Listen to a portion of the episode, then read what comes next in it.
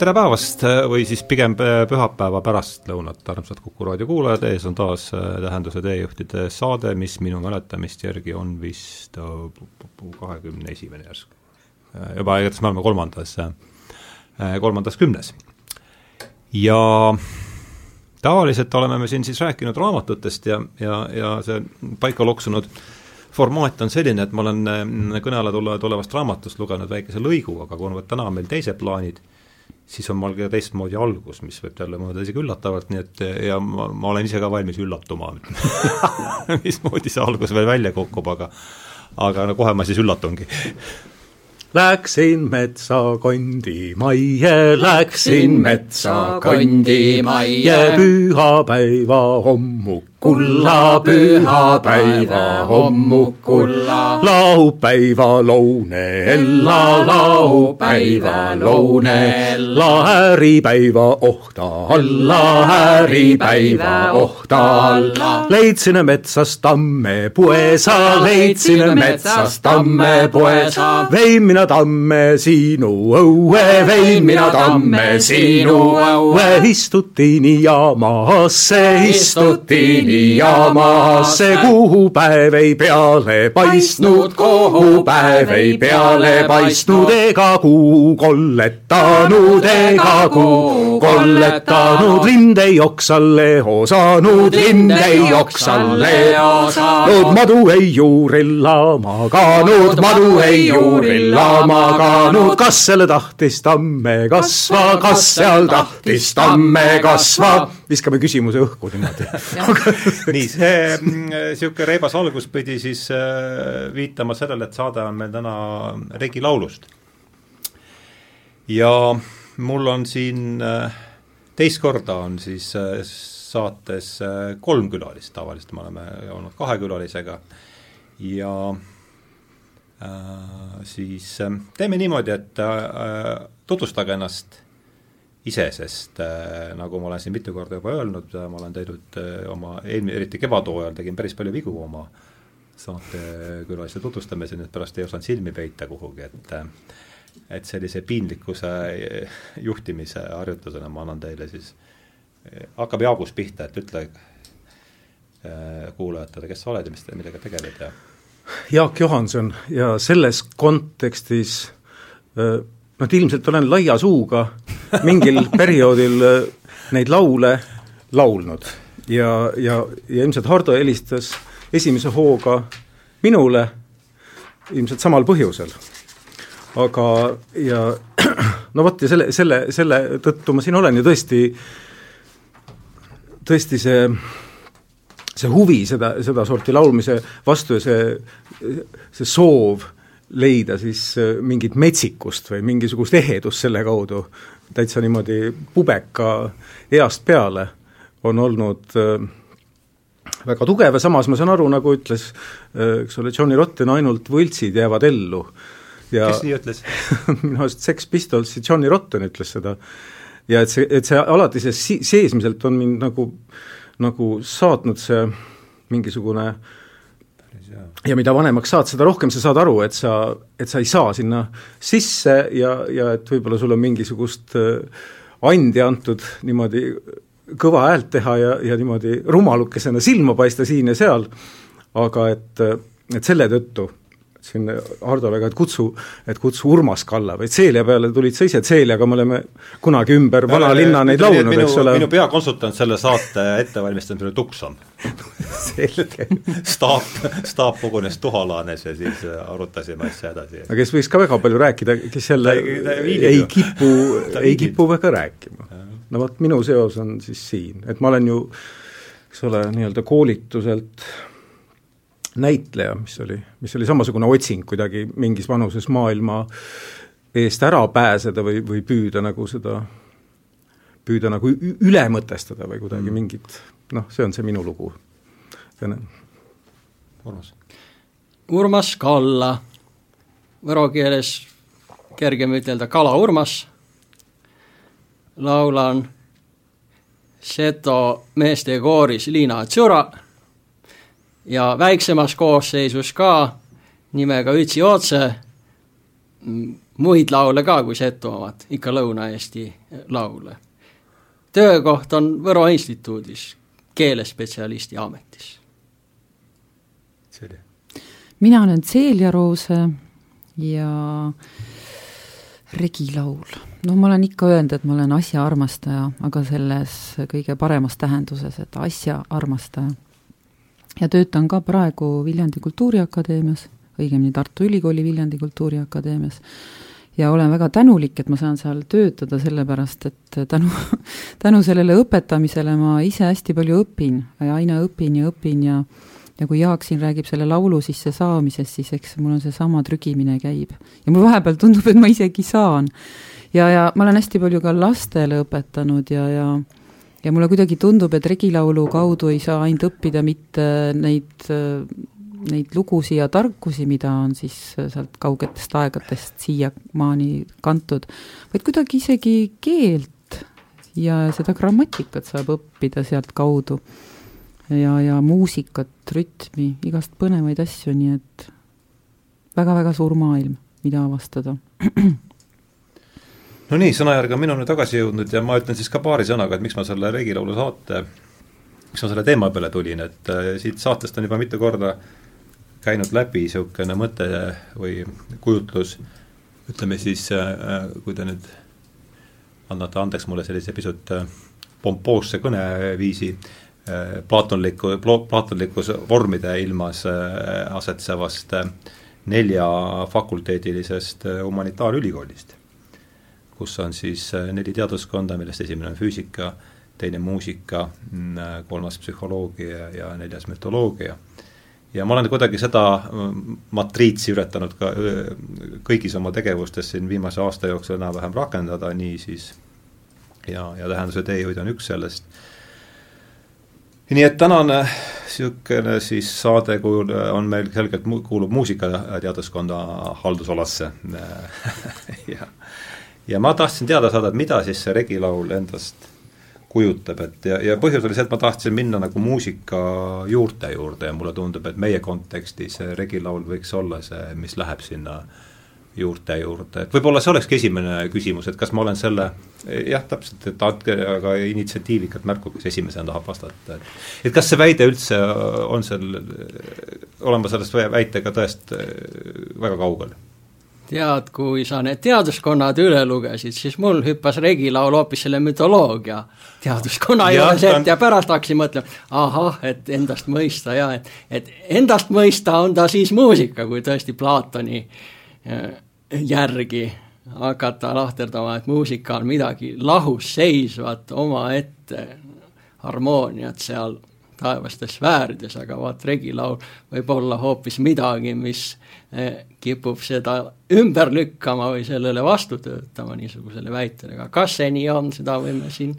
üheskoos uurida, kas aga saab võtta. olla lahus muusikas eh,, tähendab lahus sõnadest miskit regilaulu või üldse selle äh, regilaulu maailma. Aga kes tahab siit niimoodi Urmase väitest kinni hakata, et hakkame? mul lihtsalt seoses muusikaga seostus, et muusika kui noh, et viis, et need vanad laulikud ju ütlevad, ega siis regilauludel viise pole. Neil on mõnud ja toonid. mõnud ja toonid? jah, öeldakse viiside kohta, et kirikulauludel olla viisid. nii et siit ka juba see teine selline jah, ja, ja eriti hea näide on tuua pulmakaasitused. noh, see on üks osa pulmarituaalist siis, kuhu kutsutakse sõna seadjat, no meie mõistes ikkagi laulma ja seal Võrumaal kaasitus öeldakse või kaaskõlemine sellepärast, et seal see refrään kaske kandke just seda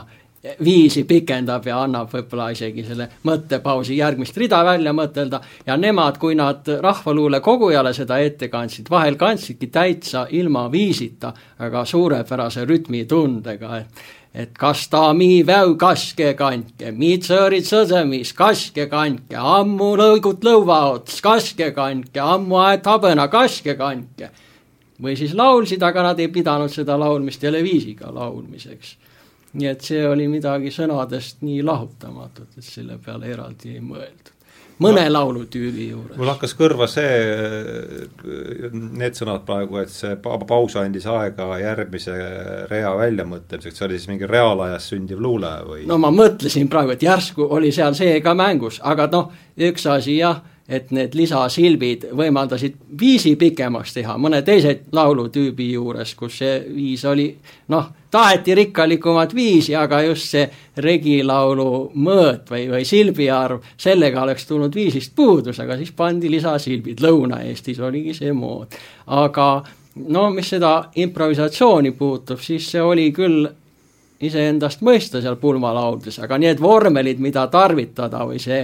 see vakkust võtta, no see oli ikkagi olemas, et andekal inimesel tuli mõni rida tõesti juurde seal ja võib-olla juba järgmiseks korraks oli ununenud, aga noh, enam-vähem millest lauldi, see oli ikka teada, et, et see oli ikka kokkumäng selle traditsiooni ja ja loomingu vahel ja noh, see ka juba looming, kui sa ridu erinevat moodi kombineerid mm,. Jaak? ma mõtlen, et võib, võib ju mingil moel isiklikult äh, rääkida, noh näiteks minu jaoks äh, see huvi mm, süttis äh, ikkagi just jah, nagu murdeeas ja ma olen ju see, olengi see pungipõlvkond ju, varajane punk, eks ole, seitsmekümnendate aastate lõpp oli minu keskkooli lõpp ja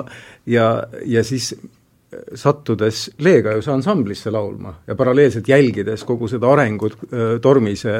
kooritsüklite laulmine Teaduste Akadeemia mees- ja naiskoori poolt kuuekümnendate keskpaigast saadik, me tihtipeale vedelesime proovides ja Veljo ise üritas kooridele selgeks teha, mis see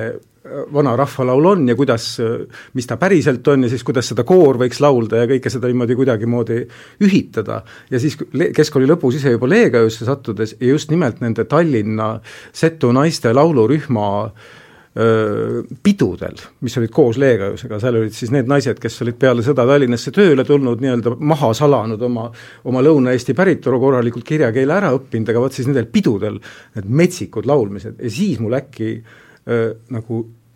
toimus see lüütus, et see on seesama metsikus, mida ma olen nagu otsinud, eks ole, mingisuguses ehedas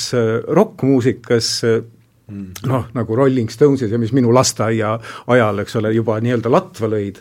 ja, ja vot, et ja, ja see, et äkki, äkki selle kaudu pääseb ligi sellele mingisugusele maailma saladusele, et see tõesti äh, ja siis ta mõjus tõesti nagu muusikana või niimoodi, et muidu ju koolis ja vot seesama vastuolu, eks ole, et, et, et see regilaul huvi, huvi poolest ärkamise ajal ta tuli ikka selle romantilise romantilise laine kaudu, et ta on nagu meie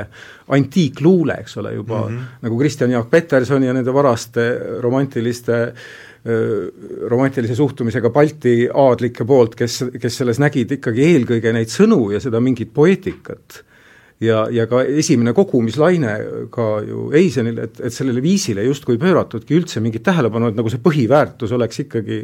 selles äh, nendes sõnades ja need tohutu, see teksti, eks ole, see massiiv tekitas metsikut aukartust ja siiamaani tekitab, eks ole, need suurimad maailmas suurim rahvaluulekogu, eks ole, ja, ja vot, ja, ja ka, et see viisivõlu hakkas tulema just nimelt, kuulad mingit, sattudes Hellerot kuulama nendel mingitel, jälle mingitel ühistel pidudel või mingitel laulupäevadel koos Leegajusega ja no vot, ja si-, siis, et, et ta ikkagi, et selles on see mingisugune mingisugune muusika, mingisugune see hingelend, mitte ainult see tekst, vaid see mingisugune olek, kus sa, kus sa saad nagu mingisugusele maailma tuumale lähedale. See, vaat Urmas juba tahab tükk aega midagi öelda Jaak, aitäh sulle, ma ei ole veel selle nalja peale tulnud, aga sa nüüd andsid mulle ette nalja, et vaata, mul oli ka murdeiga, mu murdeiga hakkas sellega, et ma hakkasin murret rääkima no,. ja ta hakkas maru hilja, keskkooli viimasel päeval, siis kui lõpupidu peeti. siis ma mhm. võtsin kätt ja hakkasin oma klassiga seda kõnelema no,. ma ei olnud kodus ka kõnelnud. see oli siis ka ärkamise aja aeg, vaat niimoodi oli minu ärkamine. mis aasta mees sa oled, Urmas? Seitsekümmend sündinud, kooli lõpp pidi olema kaheksakümmend kaheksa, mm. jah, vot ja, ja ega mul tuli ka läbi keele see laulmine. et varem ma olin ja igasuguseid Muhu monolooge, igasugu mm. rahvuslikus keeles raamatuid lugenud ja ja seda keele rütmi saanud ja ja proovinud siis rääkida kirjakeelt rahvalikul kombel, kuni ma ükskord aru sain, et see pole ju õige, et kodus ja mu ümber ju kogu aeg on keel veel elus ja, ja tuleb sinna sisse minna ja ja no vaata siis sealt edasi tuli see muusika, aga see oli mul kõik oma päed, ka plaatide päed ja Leegajus tuleb kummardada mm. -hmm. et Leegajus oli nii armsalt kodune, sest seal oli pillilugu Räpinast, mis on üks mu kodukihelkond, ja laul Võnnust, mis on teine.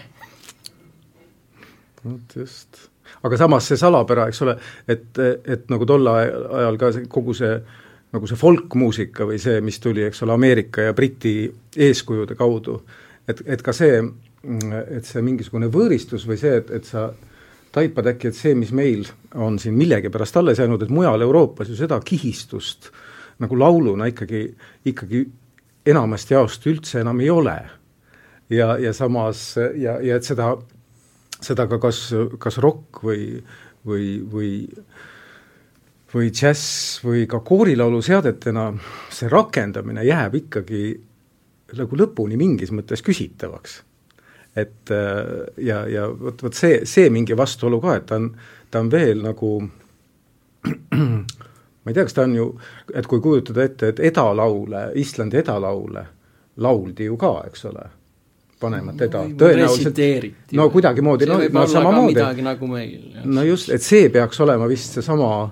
seesama kuidagi kihistus. aga ja Kalevala laulud või, või noh, nagu kui sa kujutaks ette, et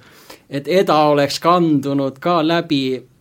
tänaseni päevani rahva suus no,, siis noh, Fääri saartel see vist on nii, et vaat see ja. siis, mis Fääri saartel on järele jäänud nendest edalauludest, oleks võib-olla parem vaste sellele, mis meil siis mm -hmm. hurda ajaks oli järele jäänud regilaulust. niimoodi võib-olla küll. jah. Selja, mis äh, mõtted sinust on see siiani kuuldu äratanud? huvitav on kuulata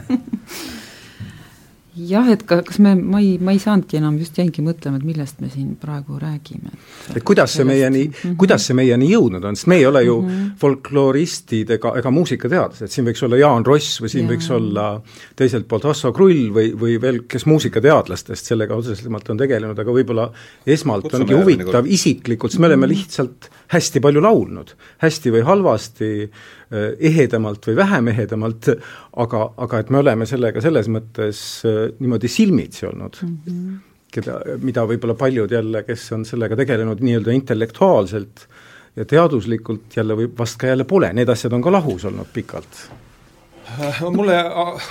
ma, ei, ma lihtsalt tahtsin öelda, et arvatavasti minu jaoks on ka just see, et ma olen ka pärit ju Võrumaalt ja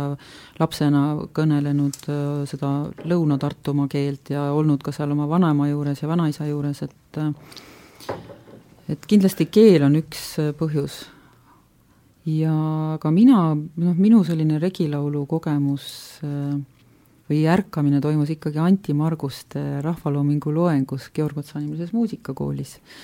sa no, õppisid seal? ma õppisin koorijuhtimist, ma tahtsin saada solfeetšo õpetajaks ja, ja siis ma mäletan, kui Anti Marguste ju õpetas meile regilaul, me pidime need kõik pähe õppima täpselt, täpselt nii, nagu ta need meile andis. Ja tihti ta siis kontrollis meie oskusi sedakaudu, et pani siis erinevad õpilased ette laulma, igalühel oma regilaul korraga, ehk siis nagu a la meil see Kirmase traditsioon on, eks ju, mitmes tsõõris on laul, igas tsõõris oma laul, meie siis tegime seal Anti Marguste tunnis seda ja kõik kartsid seda, aga mulle see nii tohutult meeldis ja pakkus nalja alati, kui niisugused olukorrad olid ja siis ükskord ta pani mind laulma üksinda Jaani laulu Lämi välle Jaani kaimaliiga ja keegi teine ei laulnudki ja mina üksi laulsin ja, ja ma mäletan noh, seda hästi eredalt, seda hetke, et midagi väga jõudis kohale tollel hetkel mulle ja siis jäi. nii et äh, jah, ja see on, ma tihti praegu näiteks, ma ei saa aru, ma ei tea veel ikka. Mina õppisin siis ka koorijuhtimist edasi konservatooriumis. Ja ma lugesin Ülo Tedre koostatud rahvalaulude antoloogiaid, lugesin, helistasin sõpradele, lugesin ette neid tekste ja ma olin tohutult vaimustatud sellest ütlemisviisist ja sellest sellisest mõtlemisviisist, kuidas need regilaulud rääkisid elust ja armastusest ja kõigest, kõigest, kõigest. ja ma kuulasin neid plaate ma leidsin, käisin tööl ja leidsin kooli riiulist need äh, rahvamuusika antoloogia plaadid, väiksed LP niisugused. kuulasin neid ka, kes see käskis rahvamuusika antoloogia. jah, nüüd on ta muidugi välja antud, eks ole, CD-kujul ja on ka elektrooniliselt ju kuulatav ja, ja sa-, kättesaadav. Eesti Rahvamuusika antoloogia, nii et ma olen siiamaani imestanud ja mõelnud, et kuidas minuga sai nii juhtuda, ma ei tea. oli, siis kõlas kaasa järelikult. täpselt aga äh, nii, ja mina üritasin siis ka äh, ennast kurssi viia, mul oli selleks aega umbes pool tundi, et äh, mis see reeglilaul siis on ja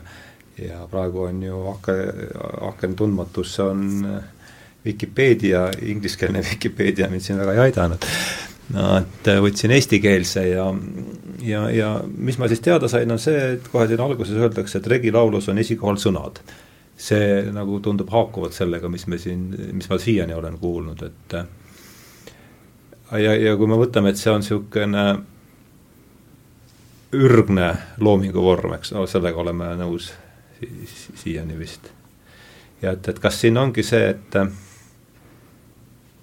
ja kui sõna on esikohal, et kas see võikski olla siis, vaadata seda asja, kui ta on mingi niisugune elav entsüklopeedia, mille abil siis kauges minevikus inimesed üritasid mingeid asju nimetada ja, ja pärast seda, kui asjad said nimetatud nende läbi kuidagi, siis aga kas võiks sult küsida sellist asja, et sinu, sinu elutee peal mm, -hmm. kuida-, kus see hetk oli, kus sa, kui teadvustasid, et see, mis sa nüüd kuuled, on mingil moel Eesti rahvalaul või siis, või et lausa on tegemist no midagi kas võõr, võõri, võõrastavana või siis, või siis mingisuguse äratundmisrõõmuna, et nüüd on tegemist siis nagu selle regilauluga, millest nii palju juttu on olnud või või, või kas üldse niisugune moment, see vot niisugune täiesti isiklik? Sellist muusi-, sellist asja mul ei ole, et ma nüüd oleks öelnud, et aga ma arvan küll, et kui ma seda Tuksami meelega plaati kuulasin, siis see oli minu jaoks niisugune mingi ütleme, niisuguse verehääle nagu mm. äh, verehääle äh,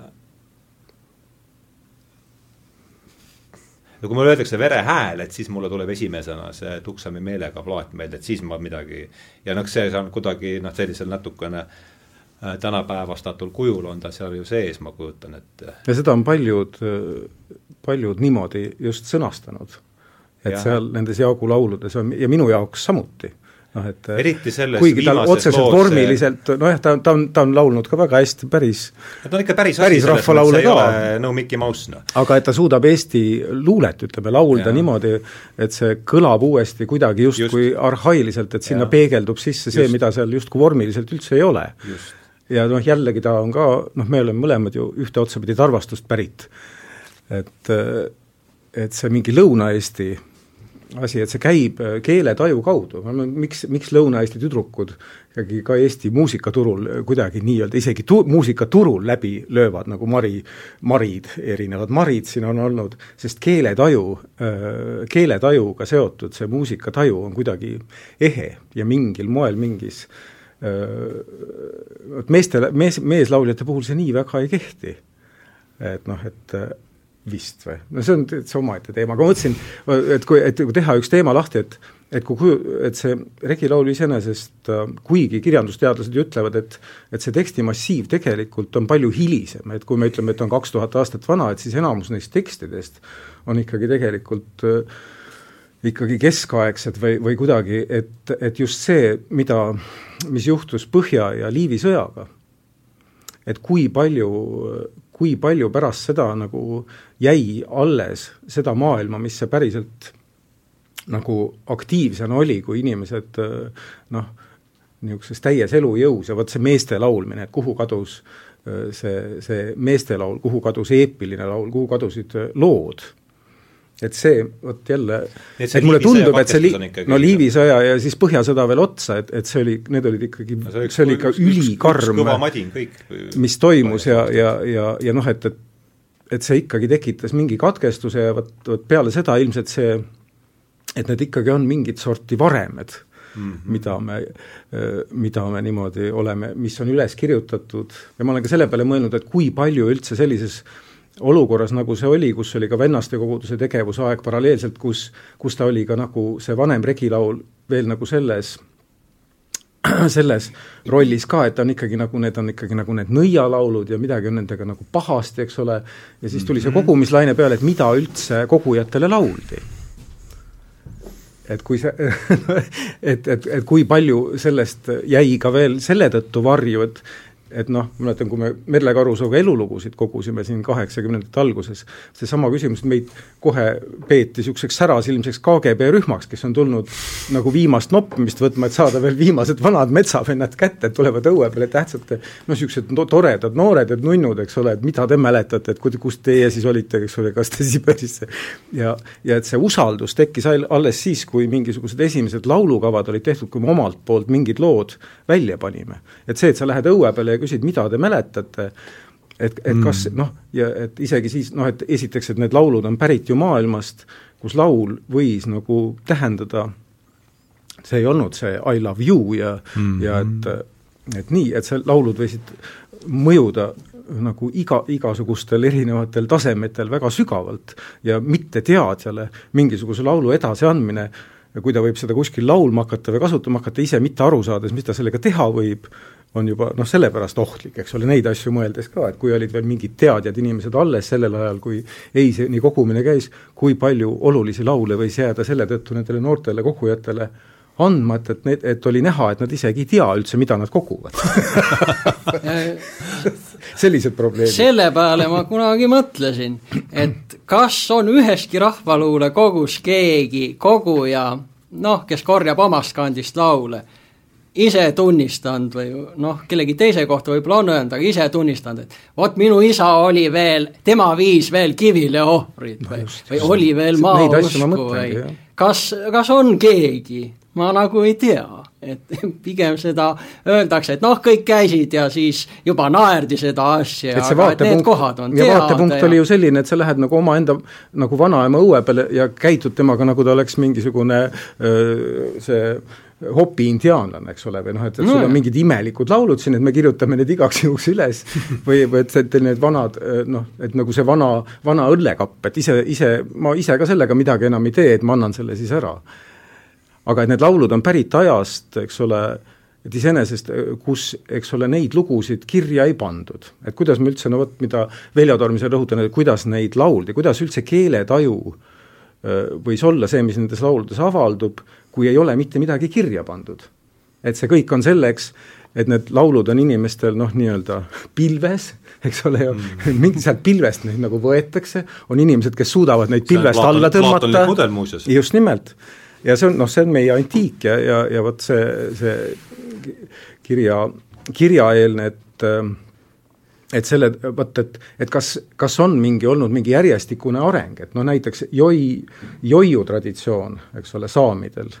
ja ütleme, nagu tõva kõrilaulu traditsioon või enam nagu Põhja Ameerika preeria hõimude need laulmised, kus ei ole sõnu et kas see on nagu lineaarselt üks kiht siis veel nagu madalamal mm -hmm. või siis kõrgemal, kus sõnu ei ole vajagi, kus ühesõnaga lauldakse otse mingit võnget mm -hmm. ja, ja, ja, ja selles kihis on veel ju niimoodi, et, et kui sul ei ole seda oma laulu, siis sa pole ju inimenegi. noh, seal on need, kuidas, et oli see mees ilma lauluta ja kuidas ta Coyote'i käest laulu saab, et seda narrit, igalühel on oma laul ja see ja see mingi nüüd kuskilt see Aafrika hõimu jutt, eks ole, et on mingi hõim, kus naised või tüdrukud hakkavad juba enne laulma, et kutsuda seda, keda nad siis, keda on plaanis nagu sünnitada või kes tahab sündida. et nad laulavad juba tema laulu. laulavad vormid välja siis pilve seest no, kuidagi?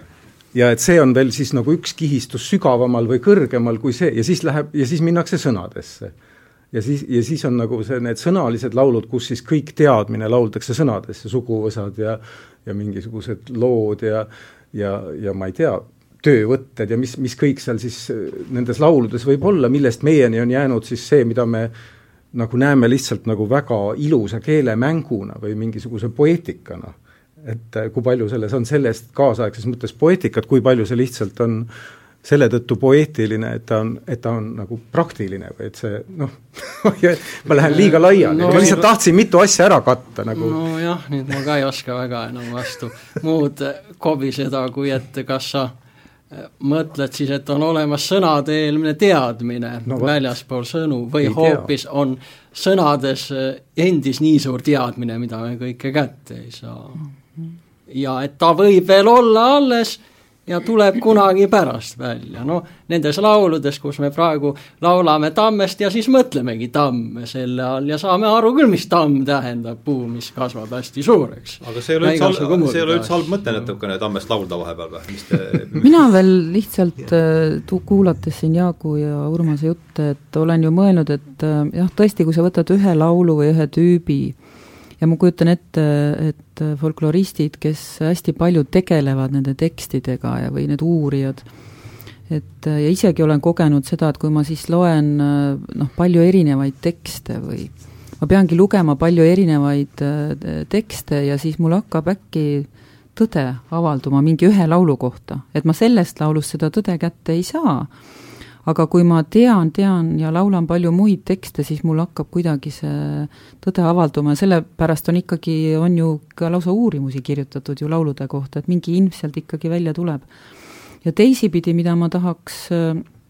ka jällegi mõelda, et ma, ma ei arva, et päris äh, Liivi ja see Põhjasõda on ära katkestanud, et mingid motiivid ju kindlasti kanduvad sealt edasi, et siin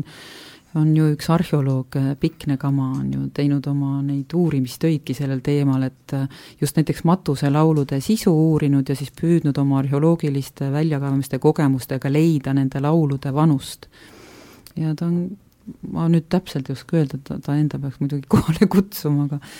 aga et, et see on huvitav jah, et kuidas ühes laulus võivad olla väga erineva ajastu motiivid sees, et kui neid on võimalik kuidagi kätte saada mingite uurimismeetoditega, et nii, aga kui sa kihistustest rääkisid, siis on ju otsitud ja, ja püütud pakkuda küll, et näiteks need helletused on meil karjaste, noh, karja kutsumise ja üksteise kutsumise ja hõikumise helletused on see sõnadeta mäng siis eh, kõlade peale. ja, ja mis on regilaulu eelne, see võib olla surnuitkud jälle, kus ei ole seda regilaulu mõõtu, mis on ainult setudel meil alles. ja noh, mujal võib ta mingil Võrumaal mingi rudimendi kujul nagu vaeslapse lauludes olla, aga need on ikka juba kindlama värsi, värsimõõduga. aga kuidas me nüüd itku defineerime, vabandust, et ma vabandan oma ignorantsust, aga ma ei saa ka küsimata jätta. jah, vaata, ta on ka nagu kunstsõna, et setu ütleb ikkagi ikk, ma ka ütlen ikk ja ikma tähendab nutma mu keeles ja setude ütlus selle kohta on, et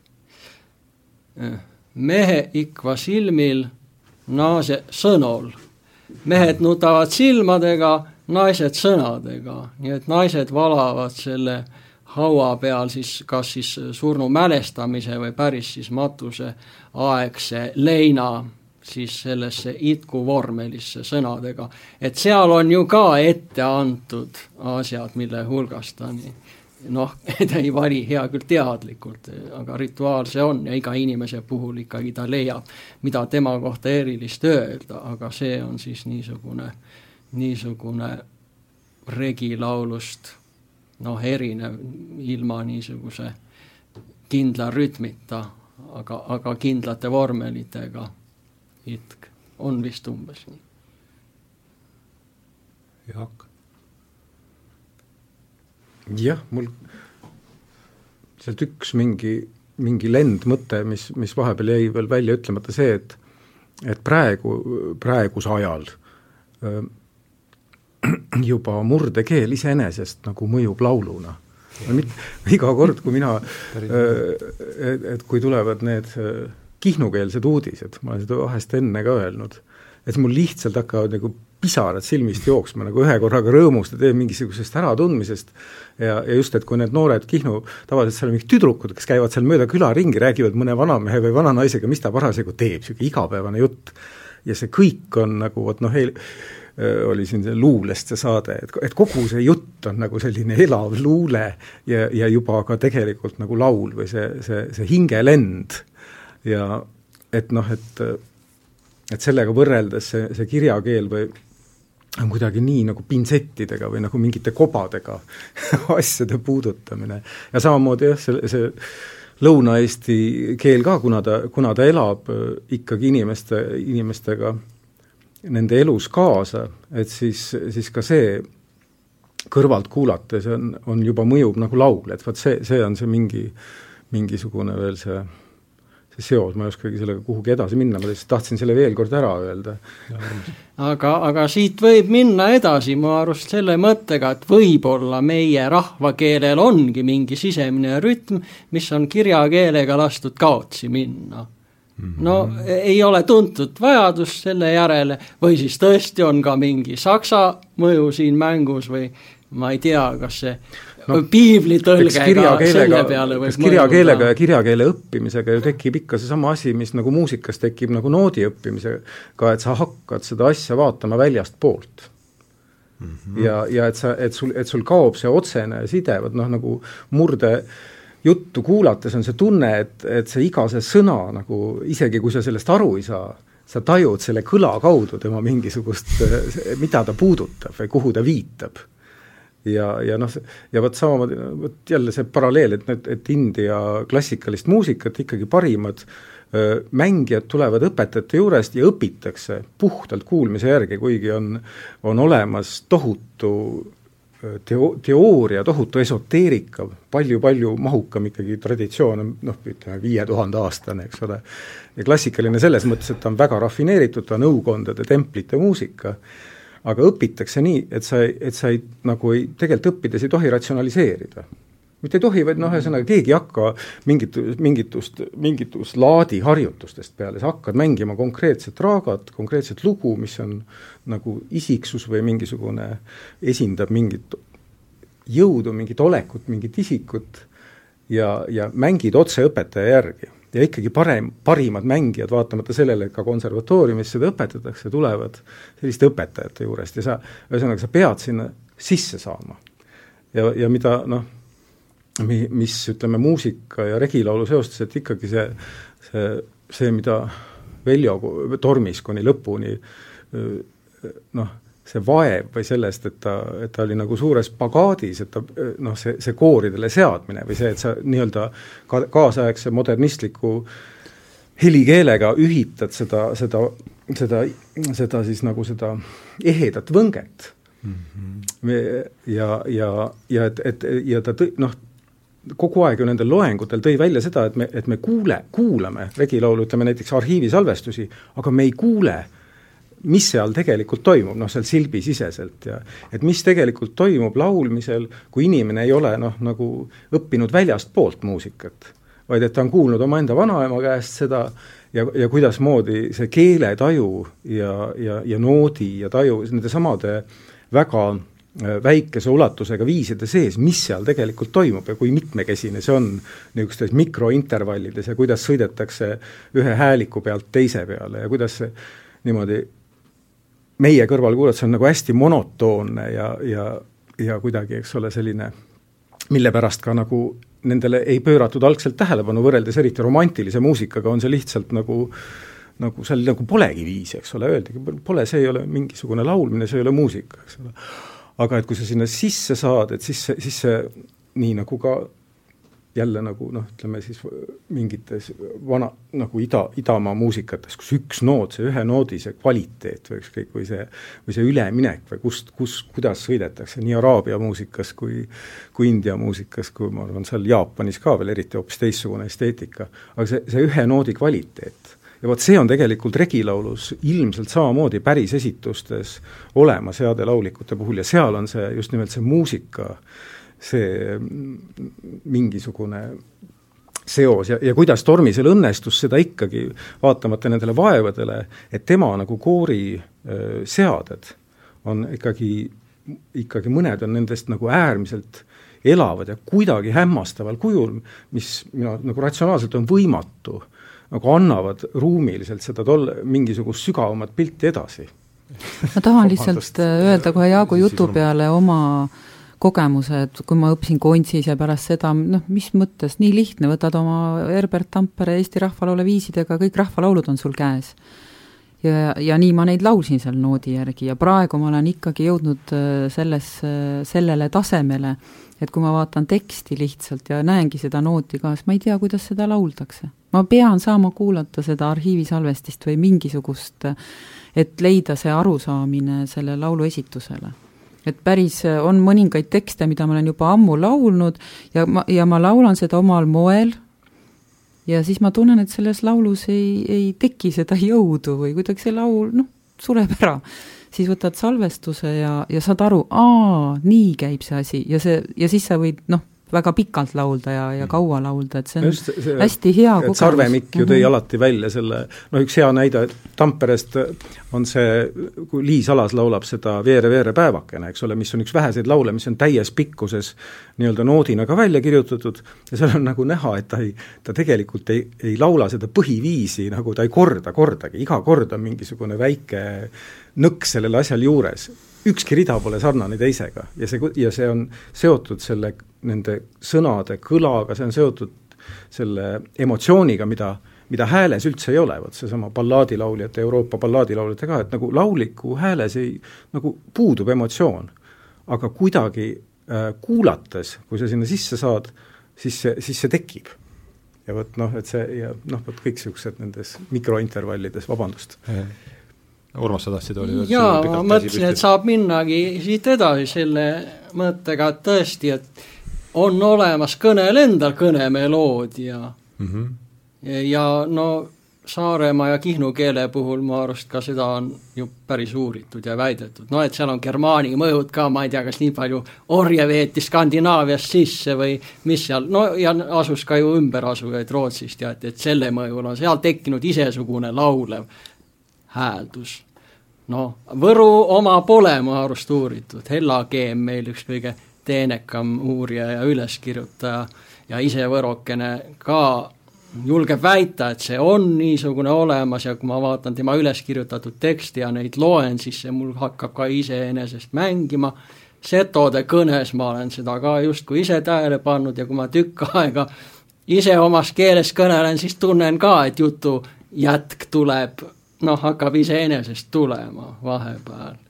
et, ja et sealt võib võib-olla mõttes edasi minna, et tõesti, et, et regilaul on ka saanud juba selle noh, asjaomase keele kõnemeloodiast oma mõjud ja liikumised kätte. ja siis sinna juurde need riimid, noh, peale algriimi veel vist neid võib siseriimideks kutsuda, mis seal kõik olemas on, mis on ju ka äh, vanasõnades ja kõnekäänduses ja mida ma küll enda jaoks tegelikult kujutangi ette, et see noh, mis sina ütlesid, pilv, aga võib ütelda müüt, algne, aga mis on ka kirja pandud sõnades, et nii-öelda algkeel, et kogu meie kõnekeel on sellest pudenenud nagu välja ja siis millest on, ütleme, millest on meie kõnekeel välja pudenenud? algkeel kui tervik, sest ei saa olla noh, lihtsalt olemas üks sõna, et kui ütled, et sünnib keel või tekib keel, siis, siis peab ju olema terve. noh, keel korraga mingis mõttes ja kui see keel on müüdi või eepose kujul, noh, nii nagu vanad kreeklased kogu aeg Homerost endalt tsiteerisid väidetavalt ja, ja nad tsiteerisid noh, nii-ütelda suvaliselt, noh, võib-olla ridu hoopis teises tähenduses, kui need seal algselt olid, aga lihtsalt kuna see kogum oli neil peas, siis nad oma elu sõnad või, või jutu nagu sealt saidki. et noh, vast on hoopis hea näide see, et, et tsiteeri, kuidas juhtub, on see ladina sentents, eks ole, mens sana in corpore sano, tervest kehast terve vaim, mis on ju hoopis osa sellest väärsist, mis ütleb, et peame paluma, et terves kehas ka terve vaim oleks, aga näed, sealt võtad jupi ja väga hästi kõlbab mujal tarvitada ja niimoodi võid, võid ka lauluridu tarvitada ja tõesti, seda on tehtud, ühe setu naise suust ma olen ise kuulnud, kui ta mingisuguse elujuhtumi jaoks paar rida ütles mingisugusest laulust, mis oli noh, ühtlasi siis vanasõna ja siis kõige vanem võrukeelse jutu plaadistus Ann Raamo Põlva kihelkonnast esimesel Eesti ajal,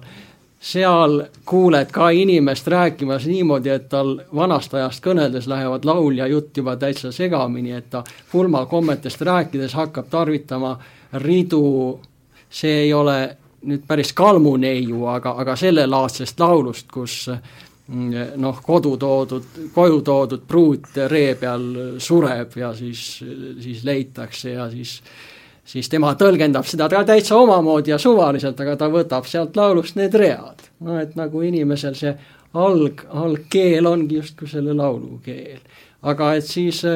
no me peame jõudma sinna regilaulu tundemärkide juurde, nii-ütelda vast ka või? ma mõtlen just seda, et kuidas need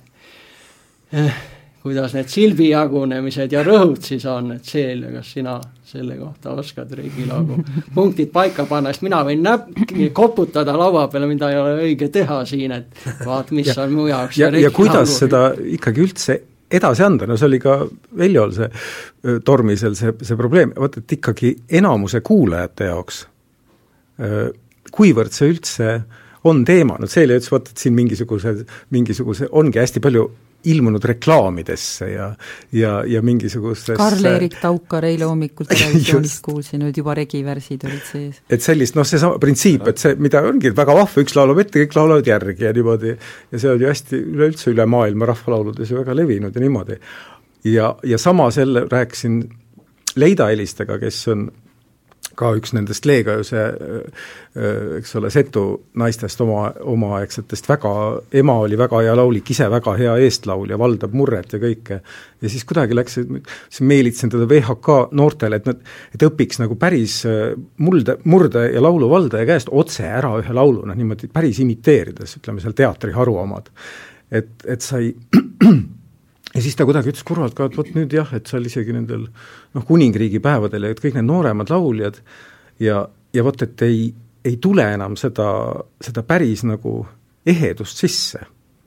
et nad lauldakse küll ja kõik see on nagu muutunud teatud määral populaarseks ja Zetod ja ja Trad Attack ja kõik need, eks ole, aga et, et miski läheb ka nagu kaotsi. ja, ja kas ja kui paljude jaoks see üldse noh, nagu ütleme, pra-, paljud praegu kuulavad raadiot, eks ole, kui palju see tegelikult üldse sisemiselt on mingi teema. et, et on mingi regilaul ja et ta, et ta läheb nagu kaotsi, eks ole, samal ajal kuivõrd see on seotud sellega, et, et seal on mingid asjad, mida, mida meile praegu nagu päriselt vaja on, et kas aitab nagu kuidagi keelt päriselt toetada või noh, et lihtsalt enne, kui, kui hakata nende, see, see on lihtsalt korraks nagu tõsta üles, et mida äh, et ta, ta on kuidagi nagu selline teema, et mõne, mõnesid ta nakatab nagu sügavalt, aga tal on ikkagi see et mida sellega siis peaks peale hakkama või, või kuidas nagu kuidas see võiks meil, ütleme minu jaoks oli see selgelt punk keskkooli lõpus, selle kaudu ma sai, ma sain endale ühe saladuse nagu, millega, et ma, et ma olen nagu, nagu mingile maailma saladusele nagu lähemal. Ja, ja ja mõnda aega see kestis, siis ma sain, siis ma sain aru, et kuna ma ei ole päriselt sinna sisse sündinud, siis ma sellele päriselt ikkagi ligi ei pääse. Ja, ja et kuigi noh, laulsime poistega Kiige peal, eks ole, mingeid seto laule, mida ma olin Leegajusis õppinud, ja noh, vanemaks saades oli piinlik, sest ma saan aru, kui, kui piinlik võib olla traditsiooni valdajal või keegi, kes on sinna sisse sündinud, noh see on nagu, kui keegi pursib e iseteadva näoga noh, nagu kõrgklassi inglise keelt, eks ole, arvates, et ta oskab seda ja noh, on vastavasse seltskonda ja noh, on midagi kuulnud ja mingeid filme vaadanud. Ja noh, sest see on väga spetsiifilised väljendid, eks ole, ta, ta ongi mingi maani sisse elanud, ta mitte kunagi tegelikult pihta ei saa. Ja keegi seda välja ju ei näita, eks ole, ütleme. ja, ja sa oled seal ja noh, ja ka arvad, et sa oled millegi osa, eks ole, aga noh, järgmine kord sind lihtsalt ei kutsuta või kutsuta või kutsutakse nalja pärast, eks ole. et, et sa äkki noh, ma ise ma olen seda tajunud, noh et mingis olukorras sa enam ei, ei taha neid setulaule laulda, sellepärast et sa saad aru, see võib olla kellelegi valus nagu kuulata. et sa mõjud nagu napakalt, noh vot see, see asi veel lisaks no aga kui sa loeksid luulet selle asemel, kas oleks mõju teistsugune? no päris kirjakeelset või ükskõik missugust? Et kas, kas oleks teist no po, ei noh, jah, luule, luule. kas on sama, kas on need asjad tegelikult mis, sama kohal, mis on, mis on luule puhul see kogukond? vaat siin Kivisildnik ja Rooste rääkisid luulest igat, igasuguste nurkade alt väga huvitavalt, et et kus on, et, et mis on luule puhul see mm, see, kus on see hingelennu koht ja kus on see kogukond, kus, mis otsustab, et, et asi on nagu ehe ja mis hetkest hakkab piinlik. luule on ikkagi nagu praegu nagu ikkagi sellise, sellisel kujul nagu suurem, laiem, selline üldine kultuuriline rituaal äh,, palju laiem ja, ja, ja palju hajusam kui, kui ütleme, regi, regilaul no,. ja Põhja-Eesti regilaulu näiteks ei ole piinlik laulda, sellepärast et tegelikult traditsiooni valdajaid ei ole. kui ma laulan sedasama Kuusalu, Juminda ranna suurt tamme, siis no ma tean, seal võib-olla paar naist veel on seal, seal, eks ole, või nende lähemad järel, kes mäletavad seal, kuidas need lambotid ja kuidas nad neid päriselt laulsid ja seda no ja, ja ma olen seal põhjarannikul suviti üles kasvanud, ma nagu, mul on ka kõrvus see, see põhjaranniku murre natukene. ja see, see annab mulle nagu mingisuguse mandaadi aga ma tegelikult tean, et ei ole kedagi, kes mul saaks sabast kinni võtta ja ausalt öelda ei ole kedagi, kes kes kuuleb praegu raadiot ja ma laulan seda Läksin metsa hommikul, no laulan niimoodi seda, kellel, kellel sellest võiks nagu valus olla, et ma laulan seda valesti. aga kui ma mõne setu laulu üles võtan, eks ole, siis ma tean, et on olemas, et on olemas inimesed, kellel on see seespidine keeletaju ja kellel võib selle pärast, kellel võib minu, minu pärast piinlik olla, aga mul endal ei ole, vot see mingisugune asi. ei ole Tseelialt ammu kuulnud ühtegi niisugust jah, mina mõtlengi, et praegu, kus me oleme ja, ja, ja paljud inimesed siiski tunnetavad selle regilaulu nagu ühist omamist või et, et see on meie kõikide oma, meile omane laul ja nii edasi, ja kuigi me sellest võib-olla vähe teame, siis ikkagi võiks ju olla õnnelik selle üle, et inimesed noh, näiteks kas või koolides või lasteaedades nad teevad mm -hmm. oma regilaule motolauludeks ja võib-olla seal tõesti on ainuke tunnus sellest esitusest, et keegi laulab ees, teised kordavad, et kas see nüüd on algriimiga ja kas see on selles õiges värsimõõdus ja nii edasi aga mulle tundub, et eestlased praegu tunnetavad seda, et see regilaul on mingi meie värk ja seda asja tuleb ajada. tormis on ära läinud siit ja minu arust nii palju ilminguid tuleb, ma näen erinevaid heliloojaid, kes on, püüavad siin teha regilaulu vormis kantaate või, või mingeid muid asju, et see on hästi tore või noh, tõesti nagu see, isegi see viimane ülemaailmsete talgute tunnuslaul, kuigi inglise keeles, aga sellist regilaulu hõngu sealt kostab. ja võib-olla siis siit tuleks lihtsalt edasi minna, et hakata võib-olla teadvustama või seda nii-öelda seda luulevormi või seda värsimõõtu või, või neid tunnuseid teadvustama, et, et see, see kuidagi noh, saaks uue hingamise või, või sellise. mina ise regilaulu puhul just peangi oluliseks seda, et et seal on see tore värsimõõt sees, see on nii lihtne ühelt poolt, et vahelduvad need pikad ja lühikesed silbid ja ja kui me mõtleme, et meie eesti keeles on ikkagi praegugi veel erineva pikkusega sõnad ja meil on need kolm väldet ja kuidas see nagu toredasti sinna värsimõõdu sisse ära saab paigutatud, et äh, minu jaoks väga-väga põnev teema, aga ma ei tea, kas me siin täna hakkame sellest pikalt rääkima, aga, aga minu arust see on väga oluline, see on väga oluline.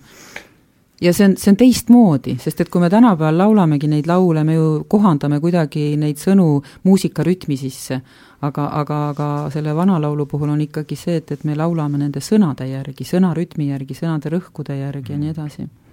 nojah, kusjuures on rõhutatud, et, et ega selles laulus ju tegelikult välteid ei ole, sünkoope ei ole, et lauldakse nagu, ma ise nagu kuulasin ka enne seda tänast saadet veel mingeid arhiivisalvestusi üle ja tõesti, et noh, on öeldud, vaata, et, et Eesti, et siin ei ole olnud, eks ole, seda šamaani trummi. aga kui sa kuuled mingit regilaulu esitust, see pulseerimine laulus endas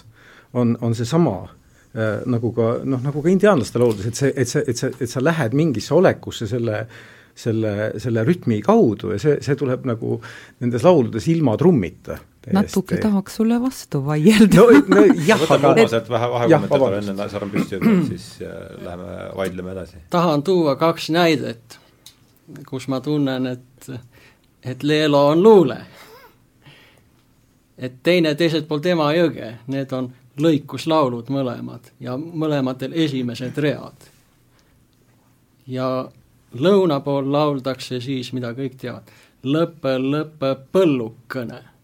ja mis juba selles ühes reas kõik on. peale selle, et seal on algriim, tekib seal ka siseriim, alguses lõppe, lõppe, siis haaratakse selle lõppe lõpust ja pannakse järgmise sõna alustuseks põll, luu ja kõne veel, mis on noh, need mm -hmm. meie tagumised õõd siis häälikud sees, et see rida, millega alustatakse, pöördutakse veel põllu poole ka, siin pöördutakse justkui selle põllu poole, mida tahetakse ära lõpetada, ära põimida. noh, juba see on võimas algus mu arust. ja põhja pool Emajõge niisama vägev Põhja-Tartumaa keelne, samuti lõikuslaul algab sõnadega tõmmake tõesti õeksed naised ütlevad. et on tõmmake tõesti allkriim ja siis haaratakse see õ-e järgmise sõna algusesse õeks, et naised siis. et seal juba on see tõmbamise jõud, siin pöördutakse mitte põllu, aga nende noh, vist põhja-eesti keeles on õsujad, õsujate poole, meil lõuna-eesti keeles on põimjad et see on seesama sõna, et see juba teeb mu arust luule nendest lauludest, aga lisaks veel lõuna-eesti keeles on noh, olen, ma ei tea, kas ma siin juba ütlesin või, et tahetakse pikemat viisi teha, siis pannakse lisasilbid juurde sellele, noh, Põhja-Eestis oli sul, kuidas see tammelaul oli sealt, lihtsalt see äh, rida oli ta-ta-ta-ta-ta-ta-ta mm. -hmm. aga lõppe, lõppe, põllu, kõne, ele-le-le-le, pannakse veel mitu silpi juurde, ilma tähenduseta silbid. nii et need tähendusega silbid, see nii-öelda luulerida jääb ikka sama pikaks nagu Põhja-Eesti laulus. aga tundub, et on Lõuna-Eestis sündinud teistsuguste viiside ja siis nende Põhja-Eesti rütmide või või noh, kas ta nüüd Kalevala mõõt, aga regivärsi mõõdu kokkusaamine, et seda kokku sobitada, on tekkinud need lisasilbid ja Setumaal on see jõudnud noh, oma kõige suurema väljaarenduseni, et tegelikult kui võtta üks Setu laulu, meestelaulu tähendusega sõnade rida, see on niisugune laul, mis, mis rõhub tõesti viisi peale, et sisu on seal Setu pidulauludel enam-vähem üks sama kogu aeg, et mehed tulime kokku, hakkame nüüd pidu panema, hakkame hästi laulma ja meie hääl kõlab kaugele ja siis, siis see esimene rida on näiteks naakõks kõne kõik poisi vai laulõ jälle maahe. seal seda teksti, tähendusega teksti on lihtsalt naak poisi laule maahe seda võiks laulda Põhja-Eesti moodi. aga näed, mis sinna kõik vahele tuleb, naakaks kõne kõigepealt, kõik tuleb veel täitesõnaks. poisi, vai, laule, jälle, siin poolitatakse sõna ära ja pannakse kaks silpi vahele. ja siis veel see mahe. ja niimoodi saadakse hästi pikk meloodia, kuhu on peidetud ära tegelikult seesama regilaulu rida, noh see lühike. Sirje on lisada midagi? ma tahtsin ennem vaielda Jaaguga ei, räägi, räägi, räägi. just sellest. et äh, mis mina tähele panen, noh, sealt võib jälle välja nii-öelda kiskuda võib-olla mõned teooriad või, või praktikasse, mis hea oleks tuua, et see sa-, šamaani trummi selline võrdlus, ma, ma olen sellega täitsa nõus, kui ta ei ole regulaarne sest et kui neid vanu salvestisi kuulata, eks ole, siis tegelikult nendele laulikutele ei saa kellelegi metronoomi panna ei, seda muidugi, šamaani trumm ei löö, ei lööda ka kunagi metronoomi. et sellega ma olengi nõus. ka kõigub ju mm. -hmm. aga et see, et, et tegelikult ka nendes lauludes ei ole silbid ühepikkused, sest on laulikuid, kes laulavad väga kõnelähedased, eks ju mm -hmm.. imekene, memmekene, kaske, kanike, tule välja, kaemajja, kaske, kanike kaemajja, katsumajja, eks ole, et eh, noh, et seal on nagu välted üsna nii, nagu nad kõneski on. ongi niisugune kõnelähedane laulmine. või näiteks siis Maria Koert sealt Mustjalast, eks ju. piisiiri, kus sa lähed, piisiiri, kus sa lähed, male metsa palki raiuma, male metsa palki raiuma, eks, kus tekivad sellised mõnusad venitused, vot see on jälle üks nagu mingi noh, esituse mõnu mm. -hmm. ja siis on noh, tõesti sellised äh, hästi laulvad võib-olla tempoliselt isegi aeglasemad ja voogavad sellised, kus jälle sa tegelikult jah, pulssi käima panna ei saa, see on mingi oma, oma meetrum, oma pulss. aga tervikuna, eks ole mm, -hmm. nagu ükskõik, kas lau-, laulja laulab rohkem kõnelähedaselt mm -hmm. või ta laulab laulvamalt ja venitavalt, nagu tervikuna sellest, sellest olekust ikkagi tekib ju see, see pilt on ikkagi nagu oleks mingi vool. või nagu oleks mingisugune mm -hmm. noh, nagu mm, -hmm. nagu mingisugune katkematu minek mingisugune niisugune voog või mingi lainetus, kuhu sa saad sisse astuda mm. -hmm, ja siis jälle välja astuda, no see yeah., jälle see kujutlus, et et mis on nagu teistpidi praegusest, noh et praegusest, et kui palju üldse ma mõtlen, kui palju üldse raadiost või kuskilt nagu laulu kuulda on, et kas see üldse on laul, mis praegu on, või on see noh, samamoodi vahest ma olen mõelnud nagu, nagu need, nende asjade ehedus on sellel tasemel, et on nagu noh, ase, asendus kuidagi meil asendus, asendusnähtuste maailm, vaid kui sa praegu lähed kaubanduskeskusesse, kui palju seal on päris toitu mm -hmm. selles mõttes, mis, et umbes ilmselt sama palju, kui, kui nagu päris laulu äh, raadiost tuleb, et see, see, mis on sellest laulust praeguseks järgi jäänud, on nagu mingisugune üks serv, mida niimoodi tambitakse, noh, see niisugune, see paaritumishüüd, millest on tehtud toode, eks ole noh, see on nagu see, see ja see, see on nagu enam-vähem kõik noh, mis keskeltläbi kostab ja ta on veel selline agressiivselt just nimelt see niisugune see, see, see fem-, noh, na-, naiselik paaritumishüüd see agressiivne pealetükkiv ja see tuleb nagu kakskümmend neli tundi. ja, ja, ja et, et sellega võrreldes nagu nagu see laulutaju, mis on, mis on nagu regilaulus või, või, või selles veel vanemas kihistuses, kus tajutakse, et sa laul, noh, et laulud antakse, et laulu, laulu sa saad nagu sisse minna ja sealt välja tulla, aga laul läheb ikka kogu aeg edasi ja see, kas sina, kas sind sinna lastakse, on küsimus ja mm. et ja noh, et miks, miks ei ole oluline nagu autori küsimus või see, et, et kes on nagu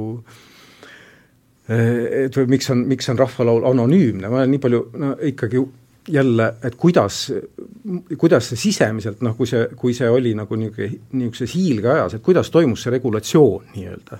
ühiskonnas või kuidas see, kes tohtis mida laulda, kes võis laulu muuta, kes ei võinud, kui, kui oli nagu see et, et noh, vaatad neid isegi sel-, nende varemete põhjal, mis on nagu need variandid eri kihelkondadest üle terve Eesti ja nende samade laulude variandid siin teiste Läänemere, Soome rahvaste juures, et kui noh, mingis mõttes ühtne see on aga kuidas seda siis nagu hallati, kas see oli, kas see oli täiesti selline noh, noh, niisugune meeleinternet või, või toimus see, oli see kuidagi ühiskondlikult reguleeritud, kindlasti oli. kindlasti ei, ei ole nii, et igaüks võtab ja, ja laulab või, või kuidas see noh, kui palju selles oli seda nagu teadvustamatut regulatsiooni ja kui palju oli seda noh, väga raske seda ette kujutada kuulge, väga vahva on teiega siin olnud, kuulan ja, kuulan ja imestan, et meil on tund aega läinud, meil on pool tundi jäänud, et ma teen võib-olla väikse vahekokkuvõtte, millest ma seni olen aru saanud ja või võib-olla, mis on niimoodi kõrva mulle jäänud. et ja võib-olla keskenduks siis viimase poole tunni vältel sellele muidugi, ega me vaatame, kus see laul meid viib siin, eks, aga aga et mis mulle jäi kõrva, on see, et äh, ju ta sellepärast kõrva, et haakub kuidagi mingite teiste kogemustega, on see, et kirjakeelele üleminekul meil on mingi kõnerütm äh, läinud kaotsi, see, mis sina, Jaak, vist ütlesid, et see juhtub sellepärast, et me võtsime ennast nagu sellest keelest välja ja hakkasime seda keelt vaatama kui objekti. et kas see, noh, ma olen siin viimasel ajal tegelenud hästi muude sadade asjade vahel, küll selle Descartes, Descartesi revolutsiooniga teaduses, et seal on, juhtub põhimõtteliselt sama asi, et me võtame ennast loodusest välja mm -hmm. ja hakkame siis seda loodust vaatama sellisest dualistlikult positsioonilt, et kas see noh, veel kord, see on niisugune, niisugune Saeveski filosoofi väike meelisklus siin, et aga et, ähm, et kas see, kas see tekitab mingit ühesõnaga, kas te saite üldse, olin ma üldse mingil määral jälgitav, mis ma siin nüüd selle viimase minuti pealt no kuigi, kuigivõrd ma siin praegu öö, mõtlen, et sa mõtled käigult, käigult mõtlesin, mõtlete ma... kaardi vastaspoolust Aristotelest võib-olla siin, sellepärast et, et tema justkui tahab kirjeldada loodust, nagu see on, nagu see silme ees on aga kas nüüd just see kaart ka või võib-olla tema pööret alustas, võib-olla juba siis Galilei hakkavad, hakkavad leidma looduses matemaatikat ja, ja konstrueerivad looduse ja siis proovivad, kas, kui hästi see, see mudel töötab siis selle noh, igapäevaelu looduse peal või selle peal, mis eest leitakse aga et noh, see kirjakeelega, kirjakeelel on jah, reeglid ja konstruktsioonid ja tegelikult see on ikka võib-olla põhivahe minu jaoks äh, sellel omal kodukeelel on see, et tallinna keelega, et et meil justkui võid lauset alustada ükskõik mis sõnaga, sõnajärg pole üldse ette määratud, just eile või kuna hakkasin kodus mõtlema, et kujutan ette, et, et tulen ta-, noh, tuppa väljast ja ja näen, et no tahan jalgu pühkida, luuda ei ole ja siis võin küsida, ma ei küsi, kos luud on, ma võin küsida, luud kos on. ma, ma alustan selle sõnaga. võin isegi küsida, luud on kos. noh, ommiga ei saa, see on nagu imelik, mingis keeles vist algab küll öeldi. om luud koskil või? noh, see juba natukene teise mm, selle hõnguga, aga jah, ma mõtlesin, et kui natuke täiendada, saab nii ka. Ja pikemate lausetega on lõpmatu juba variante aga ometigi võrreldes saksa keelega on meil ju ka kirjakeeles sõnade järjekord ikkagi väga niimoodi vaba no seegi hea, jah. ei tea, kas see lasti võib-olla mingil ajal vabamaks. võib-olla ka, jah, sest saksa keeles on ta ju väga-väga reglementeeritud, see, mis järjekorras saab mingi sõna tulla. et see vool ka, mida sina nimetasid laulu juures, mul tuligi, tuli ka jälle pähe, et näed, et Platon siin juba meil seisis, ma kujutan teda püstina ette, et nüüd sa nagu oleks Herakleituse pannud teise laua otsa peale tema voolamisega -hmm. ja, mhm. ja et siis võid nüüd hakata mõtlema, kas on olemas regilaulu algkuju, mille järgi me seda laulu rihime, et nagu Celiagi ütleb, et vaata, üks laulja eh, no jah, vot kuidas sina ütlesid, aga, aga tuli ikkagi niimoodi välja, et laulja ei pea kinni pidama, no eriti kaasitaja sellest mingisugusest algkujust, aga kas üldse tema meeltes mingisugust algkuju on, millest kõrvale kalduda, no põhimõtteliselt vast ikkagi on, et ta läheb ühe reaga välja sealt ja läheb teise reaga välja, aga kogu aeg ka ei eksle nii-ütelda. et tal need mingisugused reeglid on, aga et ei ole regilaulu ideaali kindlasti ei ole ju, selles mõttes, et see on, millest me võib-olla teinekord räägime, mingid välja kristalliseerunud mingisugused, ma ei tea, reeglid või mudelid või aga ma ju vahest ikkagi püüan endale meelde ka tuletada, et kui me siin kuuleme kogu aeg mingeid Kuku raadio uudiseid ja muusikat või Vikerraadiot või et see, mis meie see taust on ja mul, noh, selles mõttes ma olen väga tänulik sulle, Jaak, et sa räägid sellest, eks ju, sellest katkematust kulgemisest. ja tõesti, tänapäeval on ka üliõpilastele nii raske laulu, ükskõik mis laul, tegelikult laul peab alati olema selline nii-öelda horisontaalis ju et see, see niisugune vertikaalne lähenemine on nii, noh, sellest on nii raske lahti saada. aga ma just äh, tahtsingi kas sa saaksid natukene siin panna, mina ei saa, ütleme see horisont no see kõtks, kõtks, mis meid kogu aeg Aha. saadab, eks ole, tegelikult me ju oma laulud sätime ka selle rütmi järgi ja tekib selline vertikaalne, mõnikord rõhk satub hoopiski kuskile mujale, kuhu ta võiks sattuda või sellised noh, kas või erineva pikkusega sõnad või, või laused tekitavad ju erinevaid laineid teatud mõttes, on ju, aga kui ma selle ikkagi nagu instrumentaalse lähenemisega ära hakin, siis sellest laulust ei jää midagi järgi, ma ei tea, kas nii on selge? kas see on midagi see, mis ma räägin, mis sina rääkisid, Jaak. Mm? -hmm aga mida ma tahtsin lihtsalt öelda, et, et nendesamade lauludega, et ju tegelikult neil oli ikkagi päris tugev taust, sest lauldi ju palju ja, ja, ja ega ma arvan, et, et nad ei mõelnudki, et ka, ma arvan, et nad ei mõtelnudki, et, et kas ma nüüd, et see, see nii-öelda see vormelite vakk oli nurgast kogu aeg võtta ja, ja see, mis sul vaja parasjagu oli, et sul tulid need noh, ma... eks laul oli ju ikkagi lihtsalt nagu keele ja. üks seisundeid mm -hmm. või nagu, sest et, sest et kõik, kogu olemist laulud ju kogu aeg saatsid. et iga asja juurde käisid ju kogu aeg laulud, et seda on jälle -hmm. väga, väga kummaline jah, seda ette kujutada, aga ja, ja müütilises mõttes nagu ka, ka nagu ta, tunde poolest nagu, nagu ikkagi ma arvan, kuidagi tajuti asja nii, et nagu, et laul oligi nagu kõigepealt ja siis sellest laulust, eks ole, nagu kõik need asjad kuidagi nagu pop, popsasid välja, eks ole, need, mis nagu, nagu eraldusid või et, et laul, nagu see sõna, eks ole, et see oligi nagu kuidagi la-, lauluna või see teisipidi võib, võib võrdluse tuua, jah, et, et meil need kõik need internetid ja raadiod ja muusika kuulamised, vanasti ütleme, täitis seda ju kogu aeg enda laul, seesama taust oligi enda tehtud ju. nojah, ja seda vot minu arvates ka nagu kõige suurem see joovastus laulmise puhul või mis nagu ka mingite metsikute enese selliste laulu tegemise ponnistuste juures või või ka siis mingite rahvalaulude me-, me-, meeletus laulmise tuhinas, kui sa saad nagu, mäletan, kui tohutu joovastus oli, kui sai nagu päris setu naistega või mingisugusel ka mingitel setu ekspeditsioonidel, ikka jälle see, miks see setu, sellepärast et et see, et inimesel on vaja nagu kogeda öö, nagu eeskuju või, või näha, et, et, et on mingisugune, sa saad selle sisse minna nende, nende, kes seda oskavad või kelle, kellel on see tee nagu lahti. ja selle, sellepärast, sellepärast see setu, eks ole, et et milline tohutu joovastus on, on laulda nagu selles summas, summas laulmine, kus sa tead, et sa oled täiesti vaba. nii kui sa saad sellele võnkele pihta, sa oled täiesti vaba, see, see on see, et sa natuke mööda laulad või niimoodi, see kõik korrigeerub ära, et see kõik on nii värviline ja et, et sellel hetkel on kõik äh, nagu koos, et, et ja on kõik koos ja maailm on lahti ja üks. Ja see, et see, et see laulja on nagu selle maailma keskmes. Ja et see, et see on igal pool, et see ei välista, et nagu keegi teine on samuti seal keskmes, no seda on, see Hasso Krull on püüdnud seda kuidagi sõnastada, seda seisundit. ja see, ja siis, ja milles on kõige raskem see, et noh, et kui sa, nagu sa ka kunagi seal kitarriga ja tahtsid hakata ise laulu tegema ja et sul pole seda nagu seda mudelit või see, kuidas, et sa pead hakkama seda nagu ise välja mõtlema ja mõtled ka niimoodi vihuti, sa püüad leida seda teed, aga kui noh, siis on need lääne eeskujud ja kitarre käes ja mantel üle õla ja vot midagi on seal nagu valesti, mingi asi on liiga sentimentaalne, sa otsid seda mingit kargust, seda mingit, seda metsikut võnget, noh ikkagi muidugi see on seksuaalsusega seotud, eks ole, noh, laul ikka, ta on jäänud, eks ole, inimeste jaoks ikkagi kõige rohkem on see, see paarilise otsimine. Ja, ja, või siis loojaga ühtsuse otsimine, eks ole, see aga et see ja, ja siis sa, aga et kui sa saad selle kätte, siis on nagu tunne, et sa oled kohal. ja see, see on nagu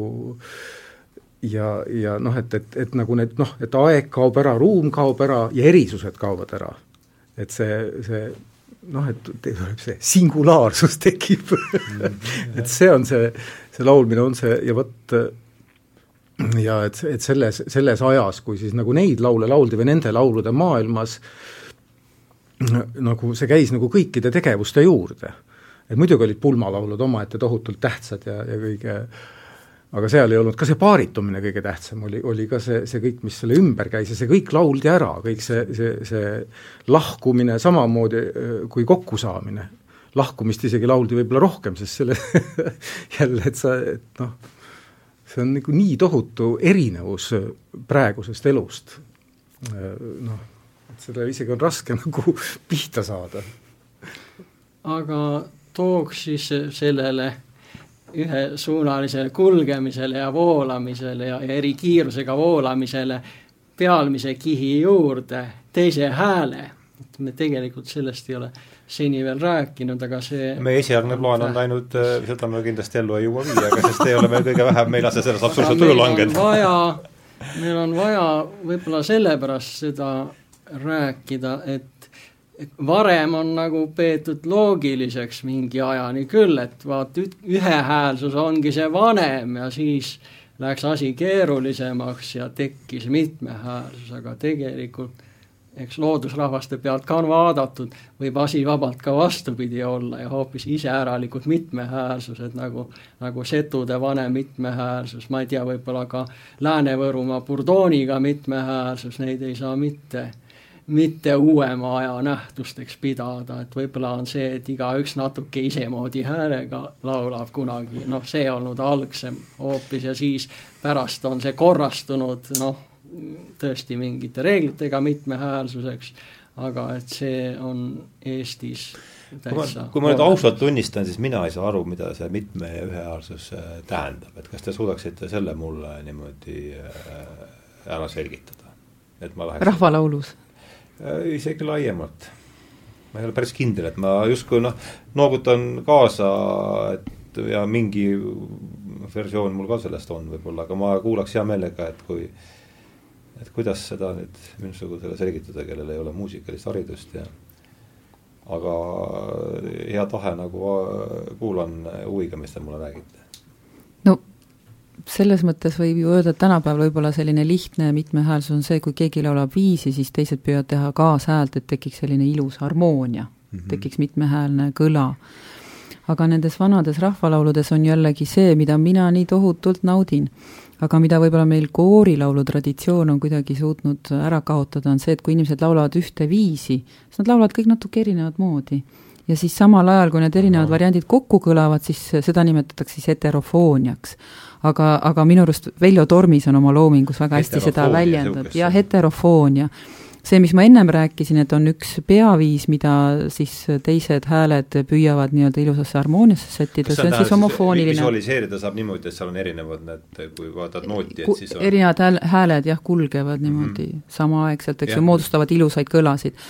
aga minu jaoks veel kõige ilusamad kõlad on regilaulu heterofoonias ja, ja nagu ma ütlesin, Veljo Tormis on neid hästi suutnud edasi anda ja muidugi, kui päriselt see tekib, inimestega koos lauldes ja, ja seda on ju ka uurijad välja toonud, et näiteks kui Kihnu naisedki laulavad koos, siis nad hakkavad rohkem varieerima. kui nad üksi laulavad, muudavad viisi vähem, aga hakkavad koos laulma, võtavad teiste viise üle ja siis tekib selline mõnus, jälle selline mõnus kobarate võnkumine. aga seal Lõuna-Eestis äh, jah, et need seto vanemad, seal on ka ju see Bordeaux või see kille on olnud sellise Bourdooni ehk siis ühe, ühe ja ühe tooni peal kulgemine, see, millest ka Jaak ennem rääkis, võib-olla hea näide tõesti sellest sellisest horisontaalsest kulgemisest, et noh, võib võrrelda siis torupilliga, eks ju, kus on ka üks äh, toru, mille lauke pole, mis joriseb kogu aeg vaikselt kaasa viisiga, et, et tõesti Lääne-Võrumaal on siis selliseid laule lauldud. ja minu arust need on ka, ja need burdoonid vahest võnguvad mis ka. mis on burdoonid? Burdoon ongi siis ük, üks heli, mis niimoodi kulgeb selle viisiga kaasa kogu aeg. allpool noh, teeme ühe näite siis. tehke üks näide muidugi. ma teen näite, aga enne ütleks selle ka ära, kuna sellest e-, eeslauljast ja koorist ja, on, on nii palju noh, tahetud rohkem teada, et tegelikult see ei ole noh, absoluutne või tähendab üldse see eestlaulja ja kooriga laulmine isegi Eestis, Lõuna-Eestis tõesti on nii olnud, et kui inimesed teavad sõnu, terve lauljate hulk teab selle sama laulu sõnu, pole improvisatsioon ka, siis nad laulavad kogu aeg kaasa, noh, üks võib alustada ja noh, siis jääda nagu see juhtijaks, aga aga teised ei hakka tulema kuskil ma ei tea, seal kahel viimasel silbil juurde või ja, ja siis võibki ka see olla, eks ju, et, et ta ei kordagi sama rida enam teist korda, et teised teavad noh, teavad ka laulu ja nad ei pea tema järel kordama, vaid laulavad kogu aeg kaasa ja siis ei olegi niisugust eestlaulja ja, ja koori vaheldumist, nagu oleks noh, klassikaline või nagu ja õpetada. paljud laulud on ju üksi lauldud, eks ju, ega ei saa, ei kutsu ju külarahvast kokku, et lapsele ällilaulu õhtul laulda ja, ja siis on tihti, kui üksi lauldakse, siis on ka täitsa laulikuti on erinev, kes kordab oma värsse, mõnikord on võib-olla see selleks, et äh, mõelda, mis edasi teha, vahel kordad, vahel ei korda, et üsna vaba on see. no või on paralleelvärss puudus parasjagu mm -hmm. sellel mhm. kohal, et siis kordad ühte värssi kaks korda ja ongi sul olemas, noh, paralleelvärsid on need, kus sama motiivi teiste sõnadega mhm. öeldakse või varieeritakse, millest jääb meil rääkimata täna. et võib-olla siin jah, lihtsalt ikkagi äh, on tähtis see välja tuua, et see eest ja järgi laulmine ei ole nüüd selline regilaulu põhiline ja ainukene tunnus, sest et ka siin on nii ja naa, et need regilaulu tunnuseid on noh, muid palju olulisemaid, et see on lihtsalt üks esituse vorm. See aspekt ju on, eks ole, et kui on nagu suured laulikud ja olid ka ju võistulaulmised pulmades ja niimoodi, et see, see ka jälle omaette kogemus Tuksami Jaaguga, kellele vahest äh, nagu meeldib improviseerida, eks ole, just ka, ka nagu regilauluna või lihtsalt mingi oma väljamõeldud ja see tunne, mis sul tekib, olles kõrval ja lauldes kaasa või lauldes järgi, kui keegi hakkab laulu välja mõtlema, kui see laul hakkab tulema nii-öelda, hüppab mm. sellesse voolu ja suudab seda tekitada käigu pealt, noh, lauldes siis nagu seda, mis toimub või mida ta arvab hetkel või kuidasmoodi, see on jälle täiesti, täiesti minu arust üks niisugune eriline tunne. et see on nagu, ongi nagu niisugune maailma loomise tunne, et keegi noh, läheb nagu niisugune elevus tekib tohutu ja noh, see, see, see vot ja, ja see on üks noh, see on ju suure, suurte laulikute kvaliteet ju või noh, see selline omadus, et ta suudab olukorda laulda ja luua seda nagu koha peal, et see võib-olla noh, see, see tuleb ainult periooditi välja, millal jälle on need laulude sündimise või laulude toomise ajad, kus siis äh, laulikud võistlevad omavahel ja siis on mingid ajad, kus lihtsalt lauldakse neid laule, mis on olnud, nii, nii on kirjanduses ka ju, need mingisugused inspireeritumad ajastud ja siis mingid sellised, kus elatakse sellega, mis on ära toodud. ma lihtsalt selle tahtsin vahele pista. ja minu arust, Jaak, see on nii armas, et äh, sa just ütled, et et eeslaulja loob ja sa, sa lähed elevile ja tegelikult mina olen ikka mõelnud, et äh, isegi kui ma olen ise olnud eeslaulja rollis või järellaulja, laulja rollis, et ka järellauljad loovad. et, et see ongi selline vastastikune no, kuigi jah. ta kordab, aga tegelikult ta loob. et see on Pildiliselt hästi oluline, jah, just. tegelikult, või noh, mis tegelikult, et, et see just selle, selle kui sõnu pole ette antud või ikkagi lauldakse rohkem nagu mingit seda, seda pilti nii-öelda, võib nii öelda või siis seda, seda energiapilti või sageli, kui noh, et no. et, et, et kui sa kuuled, kuidas neid vanu noh, näiteks Setu laulu lindistusi või seda heterofooniat, et seal ei ole midagi valet või noh, et, et keegi üldse ei saa valesti laulda, sest kõik on mingisuguses ühtses niisuguses olekus ja see olek väljendub selles, selles, sellises klastris mm -hmm. ja see on niisugune noh, ja selle, selle, ja selles on see pilt või see seisund, milles nad on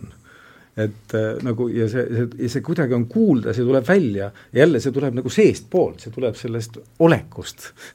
Mitte sellest, et on milleski kokku lepitud, et noh, äh, et nüüd me täna õhtul noh, meil selle enne, enne esinemist räägime ära, et sina mine siin natuke allapoole niimoodi, vaid et vot täna õhtul on kõikidel selline, igalühel on selline tuju ja kuule jah, nüüd ma ei julgegi enam küll nii väga midagi siin, sai juba enne kokku lepitud ja mine tea kuidas nüüd välja tuleb, tegelikult seal Setu lauluses see on ka loomine, kuidas sa oma koha seal kooris leiad. võib-olla on see küll rohkem ja, ja, ja noh, meeste puhul uuem aja mood, et proovitakse veel hästi keerulisi meloodiaid sinna leida ja vanasti võib-olla niimoodi ei olnud ja oli selles see osalemine ja see massi efekt oli võib-olla tähtsam, aga nüüd ikka igaüks, isegi järgmist värsirida juba proovib natuke erineva meloodiaga seal koori sees laulda, nii et ta koori ära ei riku ja see on siis, seda võiks vist polüfooniaks võib-olla nimetada ja et, et igal häälel on seal siis tähtsus, välja arvatud, mis on küll eriline, on see kõige ülemine hääl, kille, aga meie siin praegu kolmekesi ainult olemegi. Et selle ülemise hääle saab teha ja saab teha siis nagu põhihääle, torre on siis alumine hääl, koori alumine hääl, tore noh, eesti keeles kuigi ta tuletab nagu tõrre sõnaga meelde, aga tegelikult torre on nii tore kui uhke. et, et laulaks siis ka ühte müütilise hõnguga laulu eh, alguse, eh, laulu alguse hiirakene halkene hobusest, kes läheb eh, kaduma ja keda siis otsitakse taga. et siis kas ma võtan siis nagu enne, et teen killet ise sa võid mulle paar korda ette teha, siis ma võin üritada üle võtta, ma olen küll et laulnud, aga ma pole nii tükk aega laulnud. tuleb Celia juurde ja siis tuleb Hardo juurde ja no vaatame, ma ei luba midagi. Leiko, tähendab Heiko, Leiko on refrääni sõnad, mida os-, oskad ikka no seda ma, sellega ma saan hakkama. seal muud ei ole. sa võid mulle, sa võid ühe korra laulda ju kille, minna ise killesse ja me ei no, laula kaasa, vaat siis Lähen killesse ja jäängi et siis, siis, siis, siis kuuleb, mis see, mis see ülemine hääl on, siis ma võtan selle siit täna kupatatakse meid siit kuue minuti pärast Selge. välja. aga me jõuame, nii kaua jõuamegi laulda natukene. ma tahaks Burdooniga laulu ka, väikse jupi kas või. meil on kuus minutit. -hmm. kahjuks täna on niisugused äh, reeglid meile antud ette Hirokene, halkene, heiko, leiko. Hirokene, halkene, heiko, leiko. mustakene, muhobane, heiko, leiko. mustakene, muhobane, heiko, leiko. sõidiks umastes sajaga, heiko, leiko sõidi umastas ajaga Heiko, Leiko. vaeseks latsevaka pere Heiko, Leiko. vaese latsevaka pere Heiko, Leiko. ärtsal katte isa hoppen Heiko, Leiko. ärtsal katte isa hoppen Heiko, Leiko. Veljo Varsa Savisaar varastati Heiko, Heiko. Velo Varsaar varastati Heiko, Heiko. aitäh, siin ma tegin sellise tüki, kuna ma alustasin liiga kõrgelt, siis ma kergutasin, nagu setud ütlevad, läksin käigu pealt allapoole. kergendasid. nagu, nagu ratsutamine. ta ei ole jah, mitte eh, kergitamine nagu tainast või ma ei tea mida, aga just kergutamine, et kergemaks tegemine, mis tähendab hoopis allapoole minekut, see võib segadusse ajada, et sa ei lähe mitte üles kergutades, aga lähed all. ja see ongi ka loomulik, see laulu laulmise viis. teeme ikka ühe Lääne-Võrumaa laulu, ka sina laulad eest X ja me, jah, sina laulad Erre Madi Purdu. kus mul too helü oli, jah, juba läheb teise keele peale, tähendab see mõtlemine mul enamasti on omakeelne ja siis ausalt öeldes mina mõtlesin, et Urmas täna kõneleski et ma ei imesta üldse, et sa kirjakeelen kõneled. no mul on hirmus kahju, et me siin niimoodi kiirustada praegu, aga teeme siis lõpulaulu ja ja, ja no toda mis me enne tegime? jah, et olenes, mis rea meelde tuleb, mul kõrv tuleb, ütleb puu, kõrv tõuseb puu kui strehvas. Ja korgust kaeme kah, kus mm. -hmm. mul on, sul on parem, kui ma madalamalt teen. ei, mida kõrbe, kõrgemalt sa võtad, toda parem no, mul, siis ma hästi. saa nagu suhele pealt võtta mm. -hmm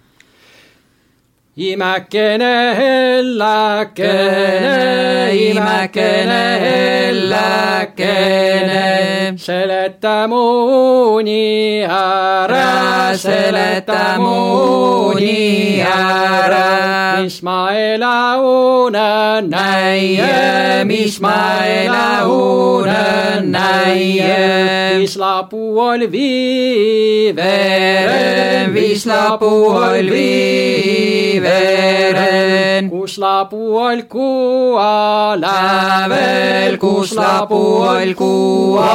lävel. Sarapuol sanna takan, Sarapuol sanna takan. Vislapuust viina verse, Vislapuust viina verse. kus lapuust koos ja tulevad, kus lapuust sarapuust koos ja tulevad. sarapuust saaja saavad, sarapuust saaja saavad. tammepuu pant Taanu pähe, tammepuu pant Taanu pähe.